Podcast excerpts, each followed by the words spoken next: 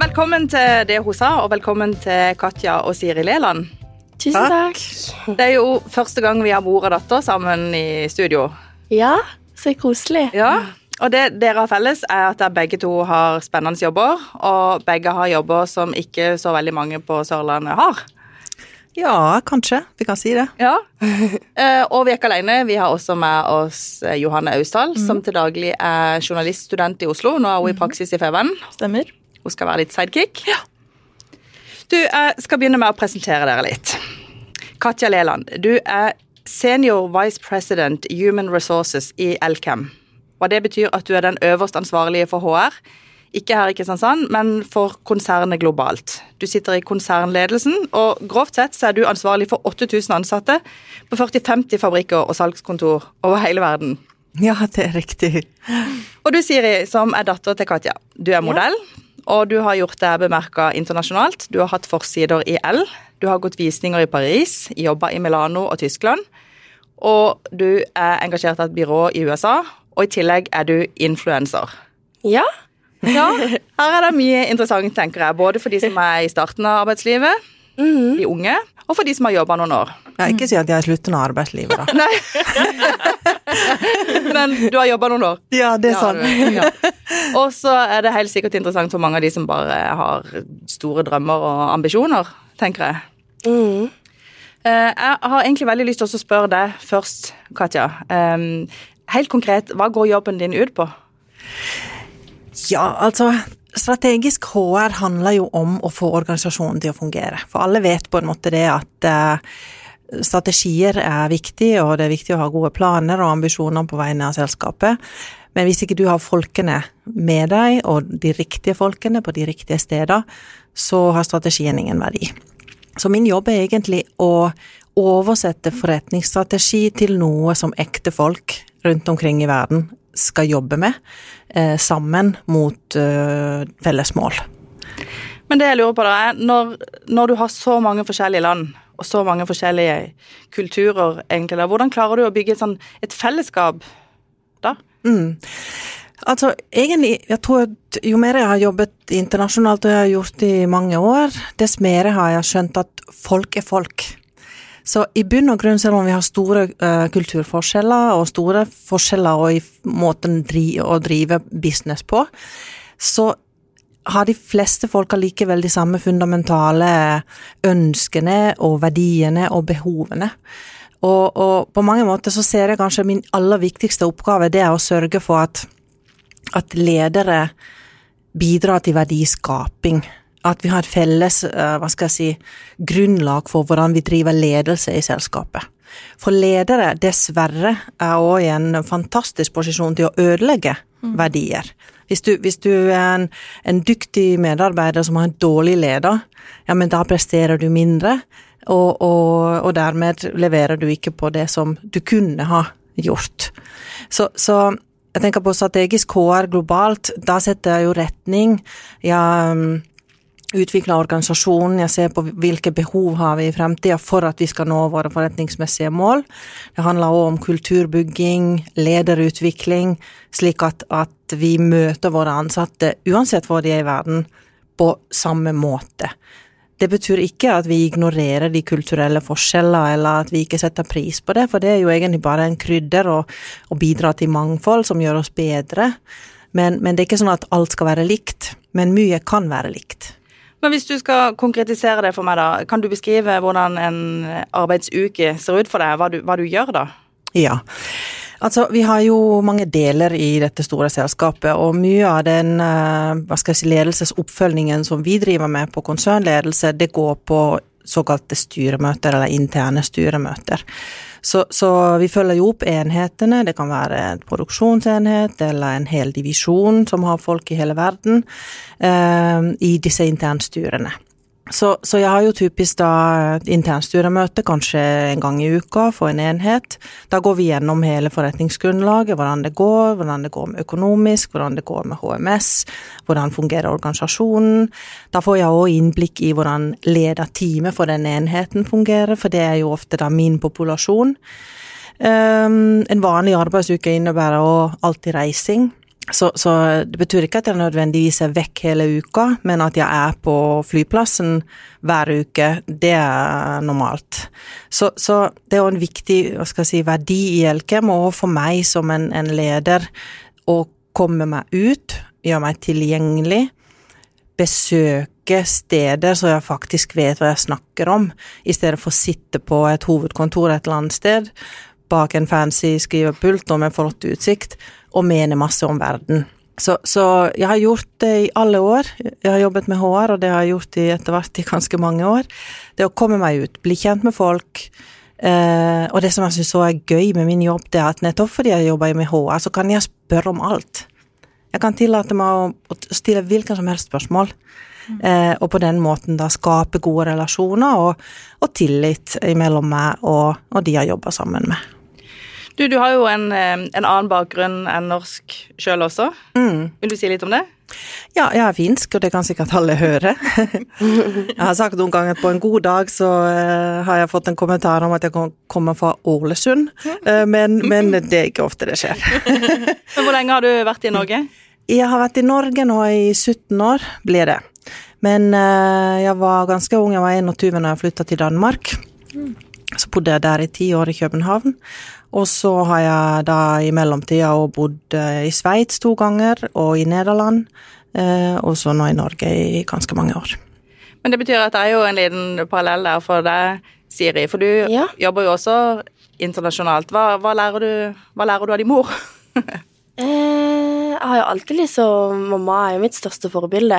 Og alltid sett at hun har reist veldig mye og vært en veldig sånn businesswoman, da. Det er noe jeg har hatt lyst til å bli sjøl også.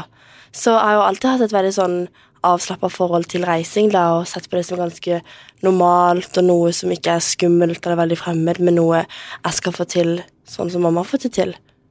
Men når du reiste ut, for du, du har jo reist ut som ung Ja. sjøl. Ga hun deg noen råd på veien, eller? Ja, altså, jeg signerte min første modellkontrakt da jeg var 14 eh, i Milano, og da var jo mamma selvfølgelig med meg, for jeg var jo veldig ung. Eh, men det har jo vært en drøm for veldig lenge å jobbe som modell, så jeg har jo hatt veldig støttende foreldre.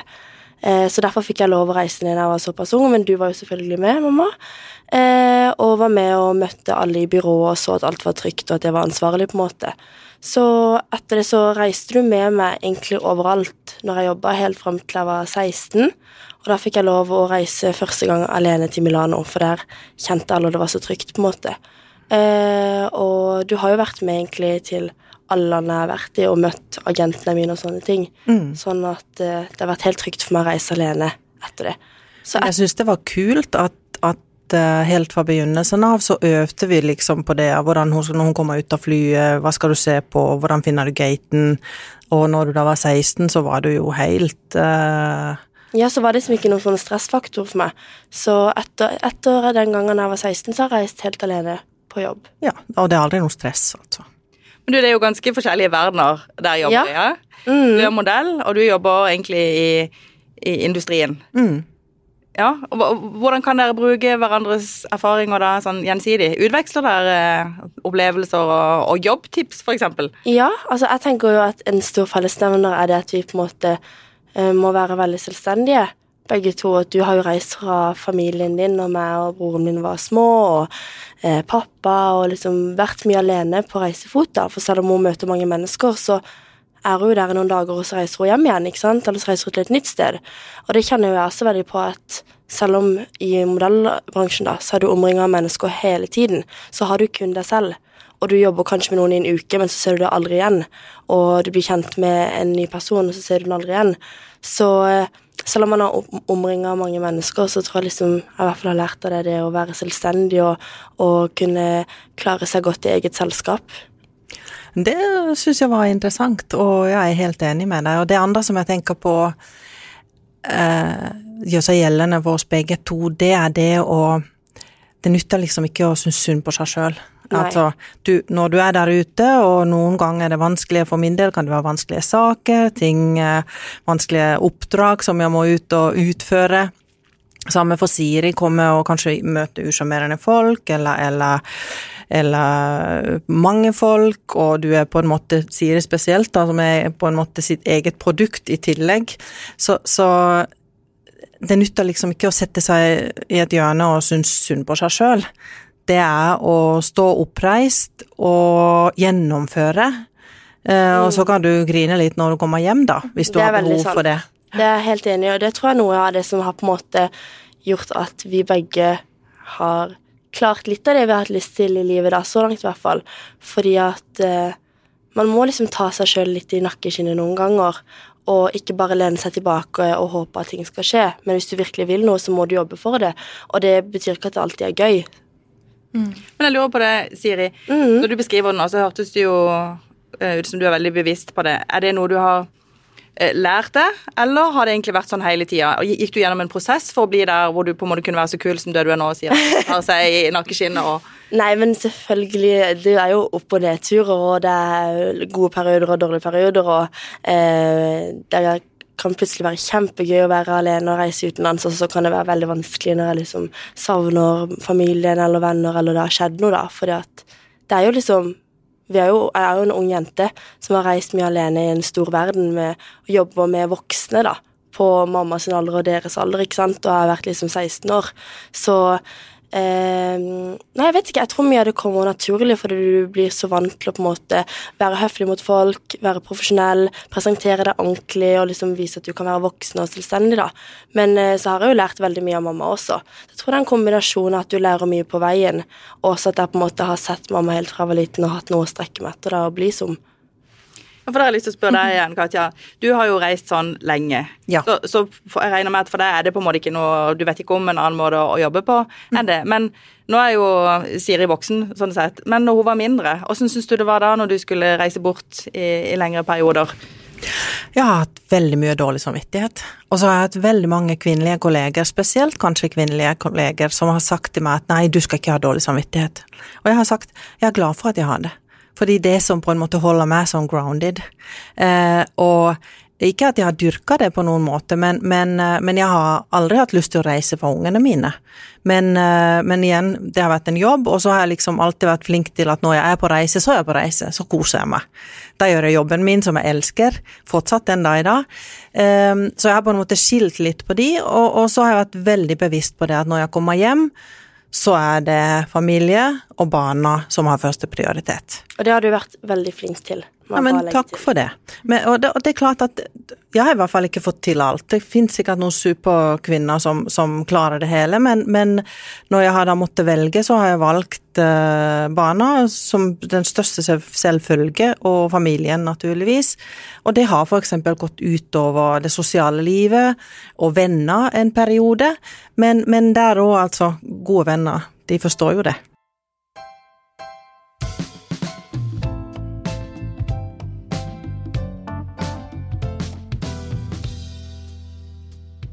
Når vi snakka litt i forkant, så fortalte du meg at Eller vi snakka litt om Sørlandet, egentlig hvordan det har vært å, å jobbe her. Um, og så sa du at det er ikke alle på Sørlandet som er villig, ikke alle kvinner som er villige til å ta den kosten, for det har en pris. Ikke sant? Og det betyr at man Du sa f.eks. det med at um, man kan ikke nødvendigvis gå i syforening eller gå i klubb hvis man velger å ha en sånn type jobb. Da er det jobb eller barn. Eller jobb og barn. Det, det er de viktigste prioriteringene. Mm. Hva tenker du om det nå, sånn sett i, i ettertid, når du ser tilbake litt på Ja. den perioden? Som sagt, det er sikkert noen kvinner som, som får til alt. Det har ikke jeg fått. Eh, og dermed, når jeg har måttet velge, så har prioriteringene vært veldig enkle. Um, og det som um, er helt sikkert politisk ukorrekt å si, men som allikevel irriterer meg uh, gjentatte ganger, og den dag i dag møter jeg det, det er at vi prøver å få til mangfold. Og spesielt industrien sliter jo med det. Elkem er veldig mannsdominert, og de fleste andre industribedrifter er det. Og vi prøver å få til mangfold på, på alle måter, annet ved å øke kvinneandelen. Um, og dessverre så opplever jeg gang på gang at unge damer ikke tar utfordringen. Uh, og jeg tror at det handler litt om det at vi i Norge, for all del hele Norden, eh, mye i eh, Europa generelt, har så god levestandard nå at man kan ta seg råd til å si nei, jeg gidder ikke reise så mye. Jeg har ikke lyst til å være vekk fra familien min. Jeg vil heller være en, en, en, en, god mor, for eksempel. Og det er fint, det. Mitt poeng er at for det første kan du være god mor og ha en internasjonal toppjobb. Det går helt fint. Og det andre er at hvis du da velger å takke nei til sånne utfordringer, så kan du ikke sitte og skrive leserinnlegg til Fevennen om at uh, kvinner ikke kommer frem i, i yrkeslivet. Det, det, det provoserer meg. Um, men det betyr på ingen måte, og det må jeg bare få sagt, at alle damer gjør sånn. Heldigvis ikke. Og vi har så mange dyktige unge mennesker som nettopp tar sjansen.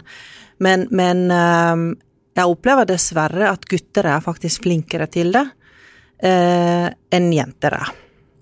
Men betyr det at gutter tenker mindre på, eller menn da, tenker mindre på familie og har mindre dårlig samvittighet?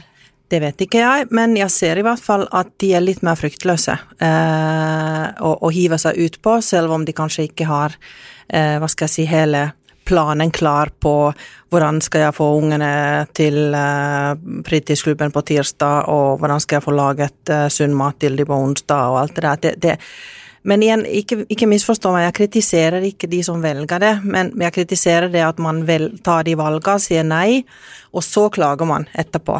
Det syns jeg ikke henger sammen. Men hvilket råd vil du gi til de unge kvinnene som egentlig har lyst, men ikke tør? Det er rett og slett å tvinge seg til å tørre. Mm. Fordi at det går helt fint. Mm. Um, og, og, vi trenger de unge, dyktige jentene og guttene for all del, men de unge kvinnene til uh, å ta ledelsesansvar. Fordi at i et, en, enhver organisasjon så trenger vi det mangfoldet. Vi må se på problemløsning fra forskjellige vinkler. Og det å gå glipp av de unge kvinners syn på sakene, eller de unge kvinners bidrag til å finne løsninger, det er et stort tap for, for selskaper. Så det går helt fint, bare tør å gjøre det. Og så kan du få hjelp hvis du trenger det, både på hjemmefronten og på jobben. Er Men er det selskapene som må legge bedre til rette, eller er det kvinner som liksom må ta seg litt i, i nakken og, og tenke at ja, men jeg tar den kosten? Ja. Altså, det, begge deler. Og nå syns jeg òg at selskapet etter hvert er veldig flinke til å, å, tilrettelegge. For det er ikke sånn lenger at, at det bare er kvinner som tar ansvar hjemme. Menn gjør det òg. Eh, og, så jeg syns at, at, altså, helt klart selskapene kan gjøre mye mer. Vi i industrien må jobbe enda mer med å øke mangfoldet. Men unge damer som blir spurt har du lyst til å søke denne jobben, eller komme til siste runde, og få et tilbud, og så trekke seg, de må bare si ja, jeg fikser det. Det går seg til. Og som sagt, du får hjelp både hjemme, og du får helt klart hjelp på jobben òg. Så, så, det går. Ja, hva tenker du når du hører eh, mora di snakke om dette, Siri? Nei, eh, jeg syns det er veldig inspirerende. Og eh, jeg har jo på en måte vært den ungen som har vært på andre sida, eller jeg har vært hjemme når det er hun som har reist, på en måte. Og jeg vet jo at du har hatt dårlig samvittighet og felt noen tårer her og der, det husker jeg jo. Men eh, dere har jo vært veldig flinke til å liksom Du og pappa da, til å samarbeide, og at det alltid har vært én forelder hjemme. Eh, og jeg har jo noe som jeg merker provoserer meg litt. Jeg husker jo liksom når jeg dro på ballettrening og sånn da jeg var liten, at eh, det var sånn at foreldrene bytta på å kjøre oss. Og da var det jo alltid sånn at mødrene var sånn Å, er mamma vekke nå igjen? Mm. Og liksom prøvde å og at jeg skulle føle meg dårlig, at jeg skulle synes synd på meg sjøl. Hva svarte du da? Ja, jeg svarte stolt ja. Mm. Fordi hun er ute og ruler verden. Det er jo dritkult. Og det har jeg visst siden jeg var liten. Og når hun har vært hjemme, har hun vært verdens mest tilstedeværende og verdens beste mamma. Så um, det har virkelig ikke vært noe problem for meg i det hele tatt. Og jeg syns det er veldig sant det du sier med at, uh, at, man bare må tørre, og at noen ganger så går man litt ut på uh, på isen, eller hva jeg skal si, at du føler ikke at du har helt kontroll, og litt sånn øh, 'Hvordan skal jeg gjøre dette?' Men da er det bare å ta det med strak arm, og så går det jo som regel greit. Og hvis ikke det går greit, så, så, tror jeg nok at det ofte kommer til å løse seg, i hvert fall når det gjelder sånne jobbting og ting som er litt ukjent og skummelt. Mm. Og, jeg har lyst til å bare legge til at siden jeg nå er såpass politisk ukorrekt og, og forteller om min, min uh, irritasjon, så herved hvilken som helst ung jente i denne landsdelen som hører på dette her og er usikker, vær så god å ta kontakt, så tar vi en liten prat. Jeg har vært med på en del sånne mentorprogrammer og, og jobbet med unge kvinner for å og nettopp bidra til det, og komme deg litt ut av komfortsonen. Eh, så, så jeg vil mer enn gjerne eh, hjelpe å være en samtalepartner og gi noen gode råd og en peptalk når du trenger det. Så det er bare å ta kontakt dere finner meg. Ja, hørte dere det, folkens? Det er jo en klar, en klar oppfordring og et bra tilbud, Og jeg. det mener jeg, fordi at eh, vi, vi, vi trenger det. Og så unner jeg de unge, unge kvinnene til å få den der, og den der mestringsfølelsen. Å komme seg ut av komfortsonen, om det så handler om det du tror du kan, eller om det handler geografisk, at du flytter deg faktisk fra din bydel, eller fra din egen by, eller fra ditt eget land. Eh, du kommer i nye situasjoner, du må klare det, og du kommer til å klare det, og når du har klart det, ja, men Så føles det så sinnssykt Å, så har du vokst så mye, og det, kanskje- det er det ingen som kan ta fra deg. Jeg tror kanskje jeg må snakke litt med deg. Jeg flytta ned hit i praksis fra Oslo helt alene for å være her nå i ja, Veldig bra. periode. Det er så bra. Ja. Jeg anbefaler alle som har lyst til å ta kontakt med mamma og gjøre det. Ja. For hun er den beste mentoren. Å, hvert så snill du er. Men du sier jeg regner med, du har litt å lære bort du òg, tenker jeg. For det, til å være så ung som det du er, du er jo 20, 20, ja. ja, Mm. eh, så har du opplevd ganske mye. Ja, jeg har jo det. Åssen starta din historie? Eh, altså, jeg har alltid vært litt sånn eh, Siden jeg var liten, da. Gjort mye rart og hatt lyst til å, å være litt sånn i rampelyset. da. Jeg synes det har vært veldig spennende helt siden jeg var liten, og drømte jo først om å bli popstjerne da jeg var liten. Så skjønte jeg at jeg ikke kunne synge, eh, og da var modell plan B. Og så har jeg alltid vært veldig sånn høy og slank, og folk har liksom helt siden jeg var liten sagt at jeg burde bli modell, da. Så har jeg alltid bare liksom tenkt at ja, så hyggelig at det er et kompliment, men så ble jeg jo plutselig enda mye lengre, og, og så på en måte at kanskje det kunne være en mulighet for meg. Og da hadde jeg lyst til å prøve det ut, da, for jeg vil heller prøve noe enn å ikke prøve det. Men Hva er det som driver det? Er det liksom det med oppmerksomheten? Eh, Nei, det er jo det at Bli berømt, eller? Nei, altså, det er veldig rart, for jeg tenkte litt på det i stad. Når når jeg begynte å tenke på hva jeg skulle si i dag, og at dere kanskje kommer til å spørre om liksom, hvordan alt har blitt som det har blitt. Men det er jo mye som skjer på veien, og det har aldri vært et mål for meg om å bli en influenser, for eksempel. Det har på en måte bare skjedd, fordi at vi kommer jo fra lille Norge, og eh, jeg føler når man gjør noe litt annerledes, så, så skiller man seg mye lettere ut. Mm. Så det var aldri et eh, mål for meg egentlig å bli noe veldig berømt, eller noe sånt, men jeg har alltid vært veldig glad i mote. Og veldig glad i å være selvstendig. Jeg syns det er veldig gøy. Jeg synes det er veldig gøy å klare ting, og når jeg setter meg mål, så, så jobber jeg veldig hardt for å kunne klare det, da. Så jeg tror nok det er det som egentlig har drevet meg, at jeg hadde lyst til å bli modell. Da ville jeg få det til. Jeg hadde lyst til å bli internasjonal modell. Eh, men så må det jo legges til at det er jo ikke sånn at man bare kan si at man vil bli modell. Så det er jo selvfølgelig mye flaks på veien å å møte de riktige menneskene og sånne ting, men jeg tror nok ikke jeg hadde kommet der hvis ikke jeg hadde ville det virkelig sjøl. Hva var det første skrittet på veien som du tok for å bli modell? Ja, det var vel eh, tvingte mamma til å sende mails og styre og holde på, for jeg hadde så himla lyst til å bli sånn der barnemodell på reklamer og sånn. Så da var jeg jo bitte liten, så husker jeg vi fikk jo egentlig bare svare alle at jeg var altfor liten, og det var jo det du også sa til meg, at men, eh, men Altfor ung, mener du. Mm. Ja, men du har jo vært veldig støttende, da, så du gjorde jo for det om. Eh, og så var det jo noen som sa at, at de syntes jeg var interessant, at de ville vente noen år med å se meg igjen. Og så har jo vi reist veldig mye gjennom barndommen også, og eh, da har jeg jo liksom blitt stoppa litt på gata av sånne modellagenter og sånn da, som har sagt at de kunne tenke å signere meg. Så det har jo vært sånne sånne ting der som har gjort at jeg kanskje skjønte at jeg kanskje hadde potensial til det. Og så signerte jeg som sagt min første kontrakt da jeg var 16 år i Milano. eh, Og fikk eh, moderagenten min Donna Jonna her i Norge, som da har liksom hjulpet meg å plassere meg rundt i byråer rundt i verden. Men du tenker på en ting, Katja, mamma til Siri. Du representerer jo på en måte en kunnskapsbedrift, en kunnskapsbransje. Og så representerer dattera di en business som handler om å selge utseende, der hun sjøl på en måte er, er varene. Du er jo din, ditt eget produkt, på en måte. Hva, hva tenkte du første gang hun sa at hun ville bli modell? Ja, første gang, siden dette begynte så tidlig, så tenkte jeg det går over. Det går men, men, eh, men nå ser jeg jo at Siri ikke bare er sitt eget produkt, men også sitt eget selskap. Og jeg ser at hun driver på en veldig på et sånt sunt og fornuftig grunnlag. Eh, og egentlig det som jeg beundrer kanskje mest i Siri, det er arbeidsmoralen. Det er å gjøre jobben, om det så er en, en influenseroppdrag eller noe du skal legge ut på, på Instagram eller, eller, YouTube, eller om det er et modellfotoshoot eller, eller ja, castings og så videre. Så, så uh, du gjør jobben. Ferdig snakka. Eh, Takk, det er godt. Så, så, igjen tilbake til spørsmålet. Liksom, hadde det vært på en måte litt sånn At hun ikke hadde skjønt var, altså at det var en sånn hva skal jeg si, litt sånn enkel eller dum tilnærming til det at jeg skal bare være pen og smile her. Da hadde jeg vært bekymra. Men hun er jo dattera mi, så jeg kjenner hun godt, og så ser jeg nettopp at, at uh, hun forstår at dette er en, en jobb. Um, det syns jeg er litt viktig å presisere, og det er godt at du sier.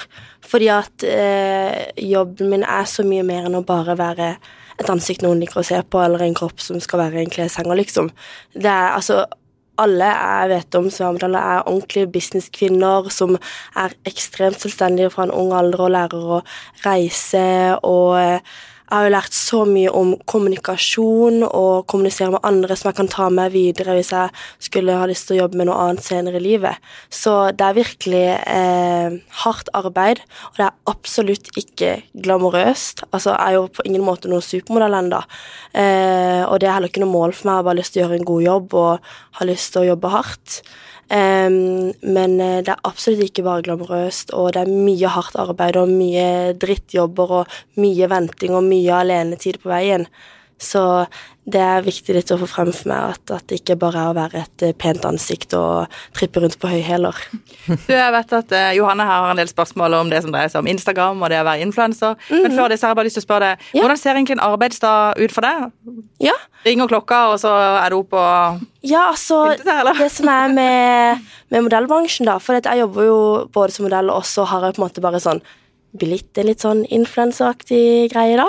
Og det er som sagt fordi at jeg tror liksom at, at det har fanga litt oppmerksomhet.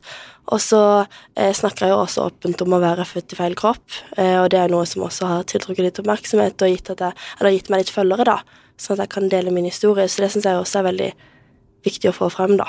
Mm. Um, men uh, jeg vet ikke, sånn en vanlig arbeidsdag som modell, det kan jo være alt fra at jeg er i utlandet og har på vekkerklokka og, og skal på en jobb klokka fire på morgenen og jobbe i 12-13-14-15 timer, og så kommer jeg hjem og tar meg en dusj og så gjør det samme igjen, liksom. Eh, men så kan det Jeg vet ikke om jeg sa det, men det kan være veldig spontant. Og jeg husker jo bare på videregående at jeg satt i skoletimen, og to timer seinere var jeg på et fly til Milano. Fordi at det er sånn at liksom, du kan få jobber, du kan få noe som heter opsjoner, som vil si at en klient vurderer deg til arbeid. Eh, og de kan komme når som helst og hvor som helst, liksom. Så, så, det er veldig veldig spontant, og det er selvfølgelig kjempespennende og veldig gøy, men det kan også være litt slitsomt hvis du plutselig må mm. droppe planer, og, og, du føler på en måte hele tiden at du må være veldig tilgjengelig, da. Mm. Eh, også som influenser så er det jo mye sånn eh, samarbeid, og spesielt i denne koronatiden da så gjøres jo veldig mye over sosiale medier og digitalt, da. Så da er det jo mest sånn at kanskje merker og brands og sånne ting kontakter meg da ønsker å ha et samarbeid med, og så forhandler jeg med de, og det er der på en måte den der business-delen kommer inn, og det er virkelig business. Men gjør du dette sjøl, eller har du en agent eh, som fikser disse tingene? Eh, sosiale medier gjør jeg for det meste selv, og så har jeg pappa som er veldig snill og hjelper meg med litt sånn vanskelige økonomiting og sånne ting. Men eh, jo, det er for det meste selv, og nå har jeg på en måte eh, jeg vet ikke, sånn, jeg føler i hvert fall som influenser at det er viktig å spørre folk rundt deg og få tips og råd. Eh, og så lærer man veldig mye på veien. Så nå klarer jeg å liksom forhandle og, og gjøre business selv, da. Og så er det som regel da å ta bilder med noen tilsendte produkter og sånn, og så jo større du blir, jo mer kan du ta betalt for det, da. Mm. Men eh, hvordan har på en måte Instagram påvirket din karriere? Eh, altså som modell så er sosiale medier veldig viktig den dag i dag, og det var det jo ikke tidligere. Så jeg husker når jeg var liten og drømte om å bli modell, så var det jo på en måte omdømmet i, i bransjen det handla om, da, og hvilke jobber du hadde gjort tidligere. Mm. Men nå er det jo veldig ofte sånn på castings, som er sånne auditions, da, at de spør om dine sosiale medier, så de kan se hvor mange følgere du har og sånn. Mm. Så det blir jo bare viktigere og viktigere. Eh, og jeg vet ikke, altså sånn eh, Jeg har jo på ingen måte veldig mange følgere, og i hvert fall ikke i det store utlandet. Hvor mange har du, da? Mm, 25 eller 26 000 per dags dato, tror jeg. Jeg syns det er ganske mye. Men Men eh, jo, altså sånn, jeg tenker jo, jo, jo flere er jo bare en fordel, på en måte.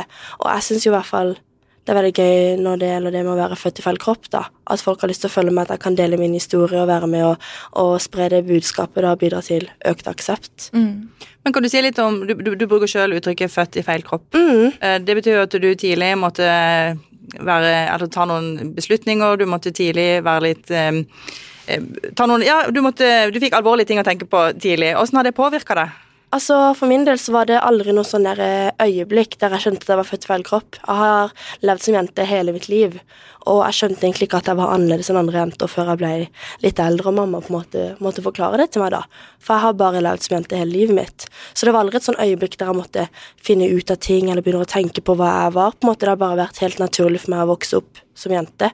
Eh, men det har jo selvfølgelig vært en en lang prosess, og det er mye for et barn og grunn til å tenke på og kjenne på, og det har jo vært veldig mange tøffe opplevelser, og det er jo ikke bare en dans på roser, for å si det sånn. Så det har gjort at jeg har modna ganske raskt, hvis det er lov å si det, og det, det merka jeg ganske ung alder, at jeg, at jeg var, hadde en evne til å forstå andre og se situasjoner fra flere perspektiver, da. At jeg kanskje eh, fikk øynene litt mer opp ganske tidlig, da. Det kan vel også bety at du blir en viktig rollemodell for mange? Ja, det, jeg håper jo at jeg kan, at jeg kan eh, bidra til som sagt økt aksept og vise folk at, eh, at det er ikke noe veldig fjernt og veldig merkelig og spesielt å være født i feil kropp, men at det er en veldig individuell ting, og at eh, vi alle er forskjellige, på lik linje som alle på denne jorda er. Og jeg har egentlig bare lyst til å dele min historie og vise på en måte hvordan det å være født i feil kropp er for meg. Er det andre Ja. ting Unnskyld. Ja, kanskje òg det at, at, at selv om det i perioder kan være vanskelig, men det er ikke en katastrofe. Det er jo litt tilbake til det som vi snakka om til. Det går greit. Eh, Ja, og det tror jeg nok mange har, har eh, sikkert gitt mot deg også, eller hva? Jeg skal si da, at, at folk har tenkt veldig sånn at oi, eh, dattera til Katja, og, og så krise, og så mye styr og sånn, men det har jo ikke vært noe problem, og det har ikke vært noe katastrofe i familien, eller noe krise, eller noe å fortelle, eller noe å tilpasse. Jeg har bare vært lillesøster og datter hele livet, og, og det er like naturlig som at mamma var datter til min bestemor. Men du får jo noen henvendelser av og til fra foreldre som vil spørre om råd eller lurer på hvordan de skal forholde seg til Ja. lignende situasjoner. ja, jeg gjør det, og jeg husker den gangen jeg selv eh, på en måte forsto hvordan situasjonen med Siri var.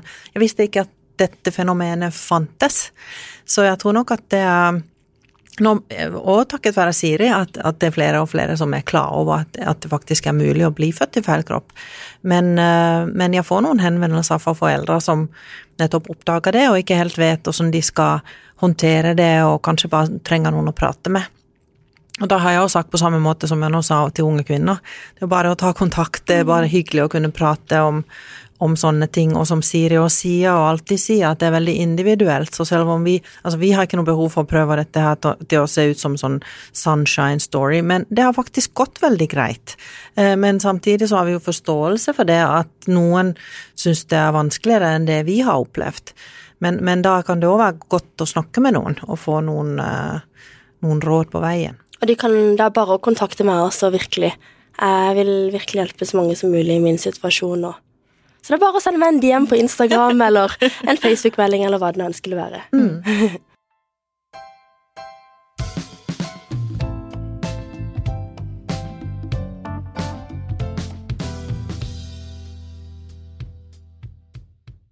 Du, Siri, det er jo mange som beundrer deg også fordi du er så god på sosiale medier. og så er det jo ganske mange, og helt sikkert en del av de som hører på, som har veldig lyst til å få til mer, både for bedriften sin og, for seg sjøl. hva, hva, hva må man gjøre for å, for å lykkes? Altså, Først og fremst så tenker jeg at det er litt, eh, det er litt klisjé å si, men man må være seg sjøl. Det er så mange Instagram-kontoer i denne verdenen og så mange offentlige personer. Så du må gjøre din egen greie, og det var jo på en måte akkurat det jeg har gjort. Eh, og så, så la jo folk merke til det, da. Men eh, jeg tenker nå som jeg på en måte har klart å lage et bitte lite navn for meg sjøl, så er det jo det å, å samarbeide med med ting jeg syns er bra, og ting jeg står for, og, og gøye muligheter, og gripe de på strak arm, litt sånn som du snakka om i stad. Og, og ta en mulighet og få så mye eksponering som mulig, og, og bruke stemmen din når du kan, da.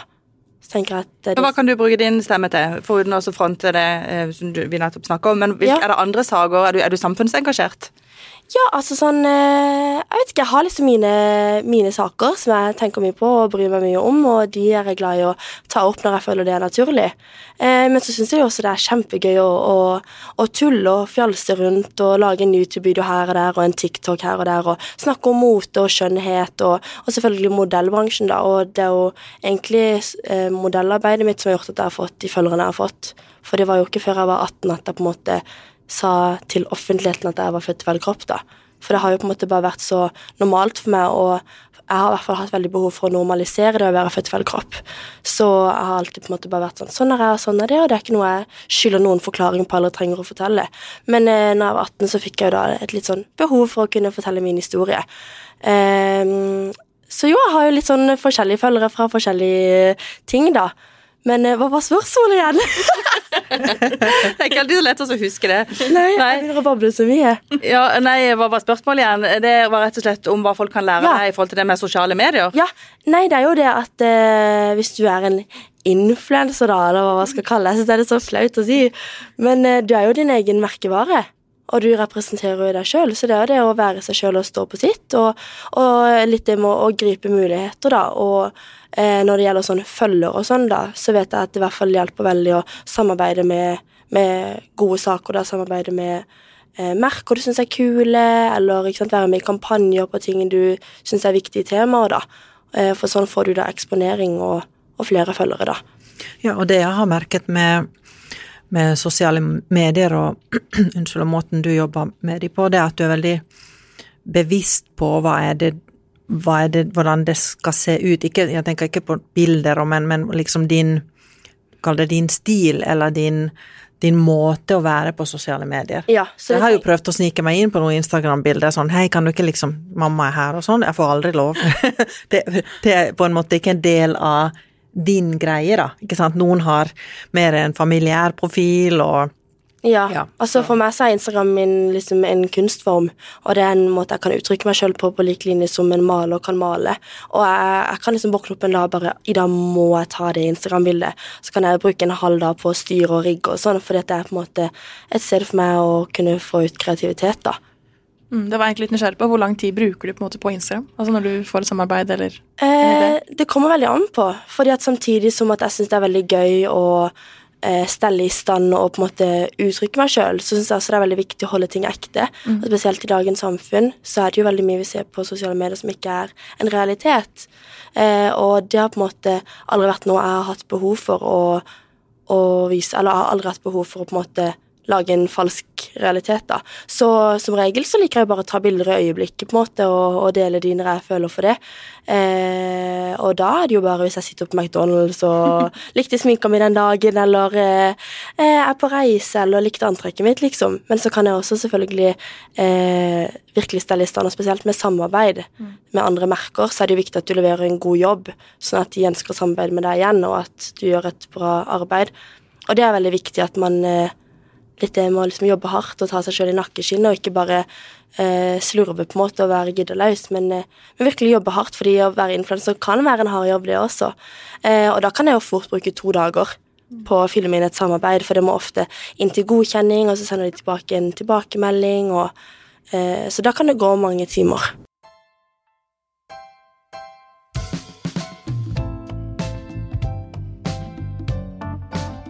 Du Katjan, du sa til meg at du har på en måte gått litt under radaren her på Sørlandet. Og du er ikke så aktiv i disse kvinnenettverkene. Hvorfor er du ikke det, og hvorfor har du gått under radaren, tenker du? Ja, det handler jo mest om det at, at jeg har reist så mye, og at jeg jobber Altså mitt ansvarsområde, er, er hele verden. Um, så, og pluss at vi har lokal ledelse på alle våre verk og enheter. Så her i Kristiansand, for eksempel, hvor vi har Elkem Fiskå, da har vi alle Elkems eh, divisjoner og avdelinger representert, og der er det lokal ledelse. Og da er det naturlig at den lokale ledelsen på en måte får, får den spalteplassen, eller, eller er med til å påvirke myndigheter og rammevilkår her lokalt. Så, så jeg har ikke hatt noe behov for å, å på en måte ta noe plass i det. Eh, Det er det ene. Og det andre er at jeg er finsk, så jeg trenger ikke veldig mye oppmerksomhet av den grunn. Og Det ligger i din natur. ja, og det Med deg i skogen. ja, nemlig. Og, og det tredje er at, um, at jeg har reist så mye. Du har ikke hatt tid, rett og slett? Nei, nei. Altså hvis jeg må velge å delta på en, på en, eh, en eh, ettermiddagsarrangement på næringsforeningen, eller, eller reise til Frankrike for å delta på et internt styremøte, så må jeg velge det sistnevnte. Eh, fordi det er der jeg på en måte har størst eh, innflytelse på veien videre, enn hvis jeg deltar lokalt her, for som sagt, her har vi lokal ledelse. Men du er vel kanskje en av de best betalte kvinnelige lederne på, på Sørlandet, vil jeg tro. Hva tenker du om det? Ja, det har stått i avisa et par ganger, så jeg vet ikke hva jeg skal si om akkurat det. Men, men, eh, men det er klart at, at um, jeg, får jo betalt på hva skal jeg si, lik linje med resten av konsernledelsen i Elkem, og det er jo basert på det ansvarsområdet som vi har. Du, Kjenner du noen ganger på eh, ansvaret, at det er et, altså, det store ansvaret du har? Og, og hvordan, håndterer du, hvordan håndterer du det tunge ansvaret? Um, det er et vanskelig spørsmål, fordi at det vokser jo på deg. Pluss at jeg har jobbet på denne måten eh, internasjonalt, enten globale eller regionale roller i så mange år. Så jeg tenker kanskje at det, det jeg kjenner mest på, det er det kollektive ansvaret som vi som konsernledelse har når vi treffer beslutninger som, som berører hele konsernet. Og, og det å huske da å ha evne til å tenke på hvilke konsekvenser mine beslutninger har, helt langt ut i linja for den operatøren i Paraguay eller eller den labteknikeren i Kina. Eh, så, så, men det er en erfaringssak. Um, og så tror jeg det hjelper mye det at jeg har reist så mye, at jeg, jeg har vært borti enhetene våre, og det er nemlig ikke sånn at vi kommer til et, et, et møterom. Vi, vi tar alltid på oss vernetøy og uh, hatt og briller, holdt jeg på å si, hjelm og vernesko og, og vernetøy, og vi går ut i fabrikkene. Vi ser uh, hvordan verdiene skapes, uh, og, og nettopp fordi at jeg har jobbet nå i Elkem i tolv år, ble det vel, så betyr det òg at jeg har vært gjentatte ganger i alle våre enheter. Er det noen land de reagerer på at det kommer en, en kvinne ut med hjelm og vernesko? Er det noen land hvor de reagerer mer på det enn det man gjør i Norge, hvor man er vant til det, kanskje? Nei, egentlig ikke. Eh, Jeg tror at de eh, som jobber i industrien, eh, uansett hvor vi er i verden, i hvert fall i Elkem, har mange kvinnelige kolleger. Ikke vi er langt fra 50-50, men, men, men vi ønsker som sagt kvinnelige kolleger, og HR kanskje også som et fag ofte er litt kvinneyrke. Så, så Nei, så jeg har ikke møtt uh, noen sånne veldig overraskelser. Du, Hvilke egenskaper er det du har som gjør deg til en skikkelig god leder, som de faktisk ønsker å ha i, i, ja, som de ønsker å ha som i ledergruppa i konsernet? Sånn selvskryt, det er jo Ja. noe veldig gøy, men, men, men jeg tror kanskje at det som er min hva skal jeg si, styrke i forhold til å være i konsernledelsen, det er at jeg bestemte meg veldig tidlig at jeg skal ikke være sånn HR-dame som skal liksom si at nå skal vi være greie med hverandre og snille med folk og sånn. Så jeg evner å forstå forretningen. Eh, Det er veldig viktig. Eh, Og så evner jeg å, som jeg sa, oversette det til en, en strategisk HR-plan. Ehm, så det er det ene. Og det andre er at eh, jeg tror kanskje jeg kan ha litt drahjelp av min finske bakgrunn. I Finland er respekt utrolig viktig. Eh, og det å lytte til folk. Jeg tror jeg er god på det. Um, og så gjør jeg det jeg sier. Eh, jeg har noen gang sagt at jeg er sånn corporate animal. Og det jeg legger i det at jeg kan ikke være en sånn konsulent som kommer inn, gir masse gode råd og forsvinner. Jeg har litt sånn glede av, eller ikke bare litt, jeg har litt glede av det at jeg må leve med konsekvensene av det jeg har sagt. Så har jeg vært i India fem år siden og sagt at vi gjør det. Og når jeg kommer der igjen om fem år, så må jeg ha gjort det. For ellers mister jeg troverdigheten min. Så, så det er selvfølgelig litt ubehagelig, fordi du må faktisk gjøre det du sier, men samtidig så, så har man jo selvfølgelig lært å ikke love for mye, eh, og holde det jeg sier. Du, jeg lurer egentlig, Det jeg lurer på nå, lurer jeg på fra dere begge to. Eh, hva gjør dere når dere skal hente inspirasjon? Mm, altså, jeg har jo mamma som en veldig stor inspirasjon. Og har jo alltid sett veldig opp til mamma og har sett hvor hardt hun har jobba. Eh, så jeg vet ikke. Ofte tenker jeg på hva mamma ville gjort, da, og, og ser jo når hun eh, jobber hardt. Nå er det jo mye hjemmekontor for tiden, jeg ser at du holder på og styrer hjemme. Eh, og det er vel egentlig min sånn, største inspirasjonskilde til å jobbe hardt. Eh, men jeg vet ikke, jeg finner inspirasjon veldig mange steder, og jeg tror nok jeg finner en veldig annen type inspirasjon enn du gjør. Så, ikke sant? Jeg finner inspirasjon til eh, både det å jobbe hardt og være selvstendig, men også til liksom, eh, noe så enkelt som et Instagram-bilde, på en måte. da.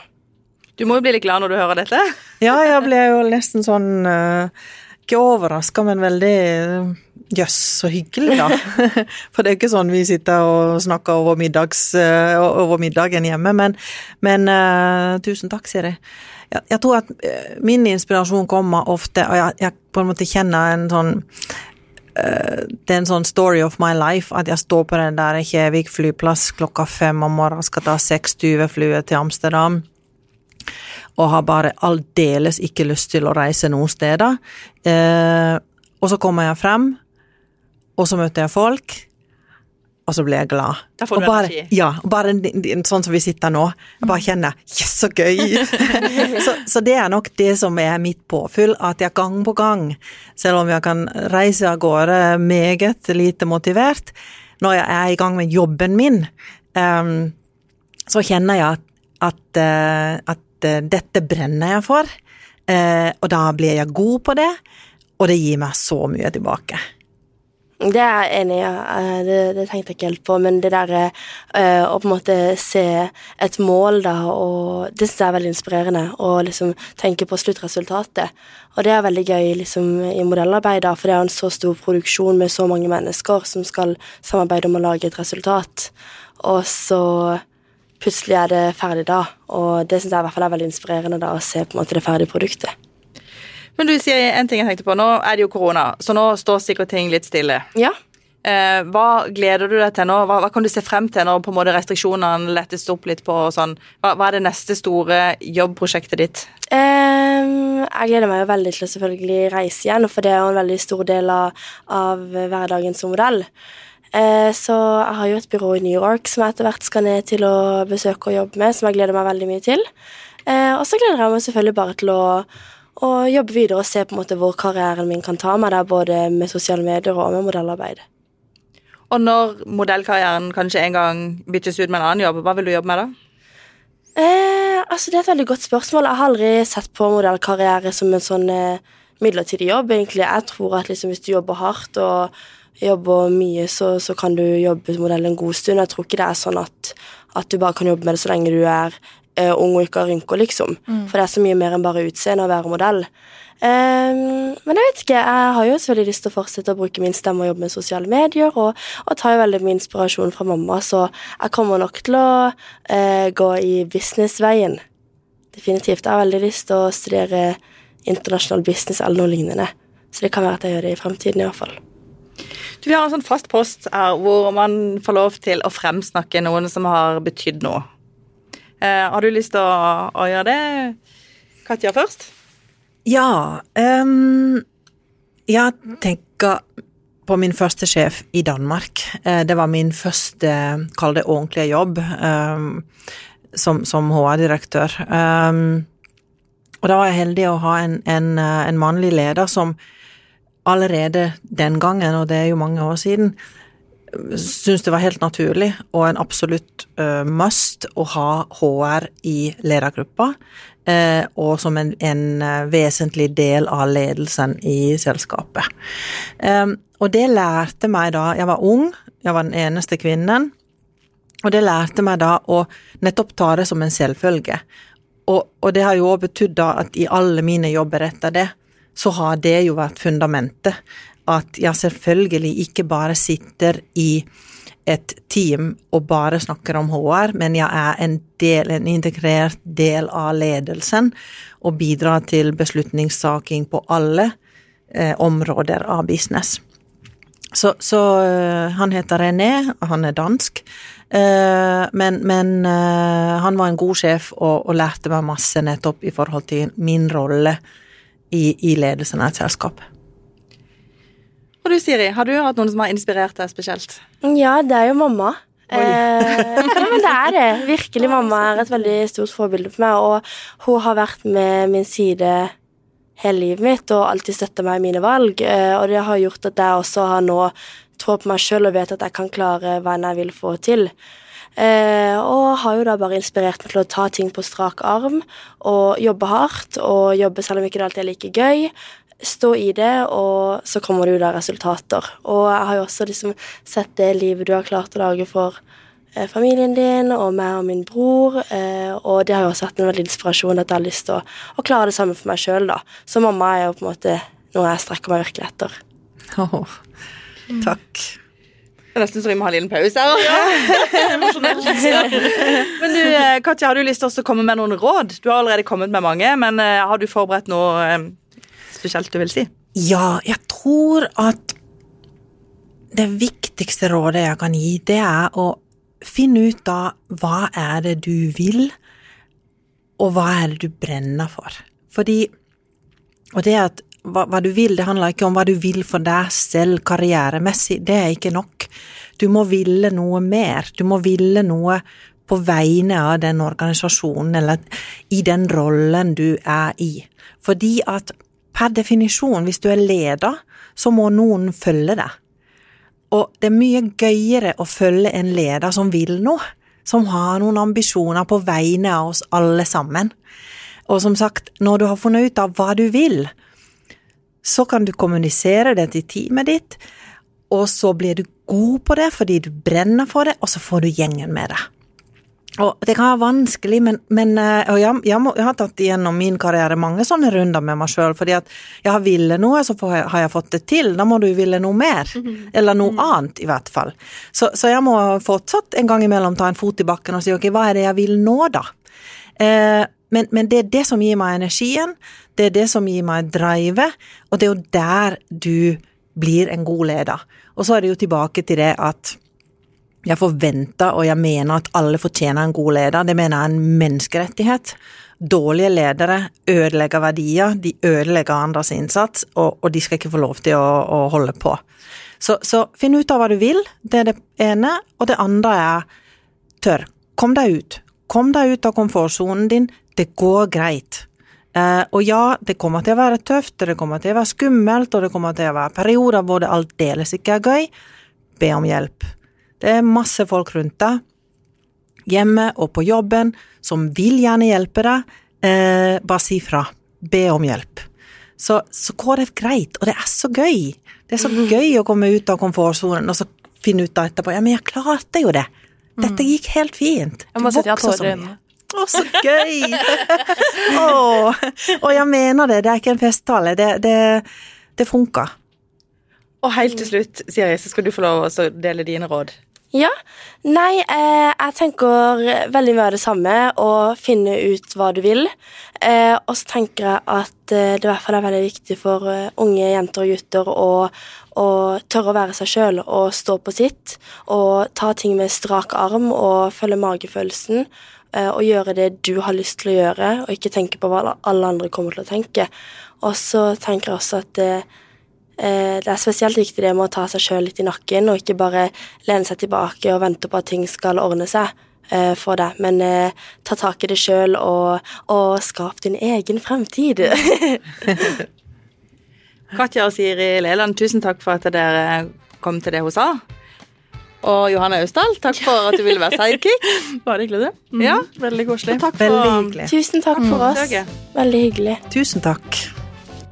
Du har lytta til Federlandsvennens podkast 'Det hun sa' med Birgitte Klekken. Har du tips til andre bra damer vi bør snakke med, eller har du lyst til å dele inspirerende erfaringer fra ditt arbeidsliv? Ta kontakt på dethosa1fun.no.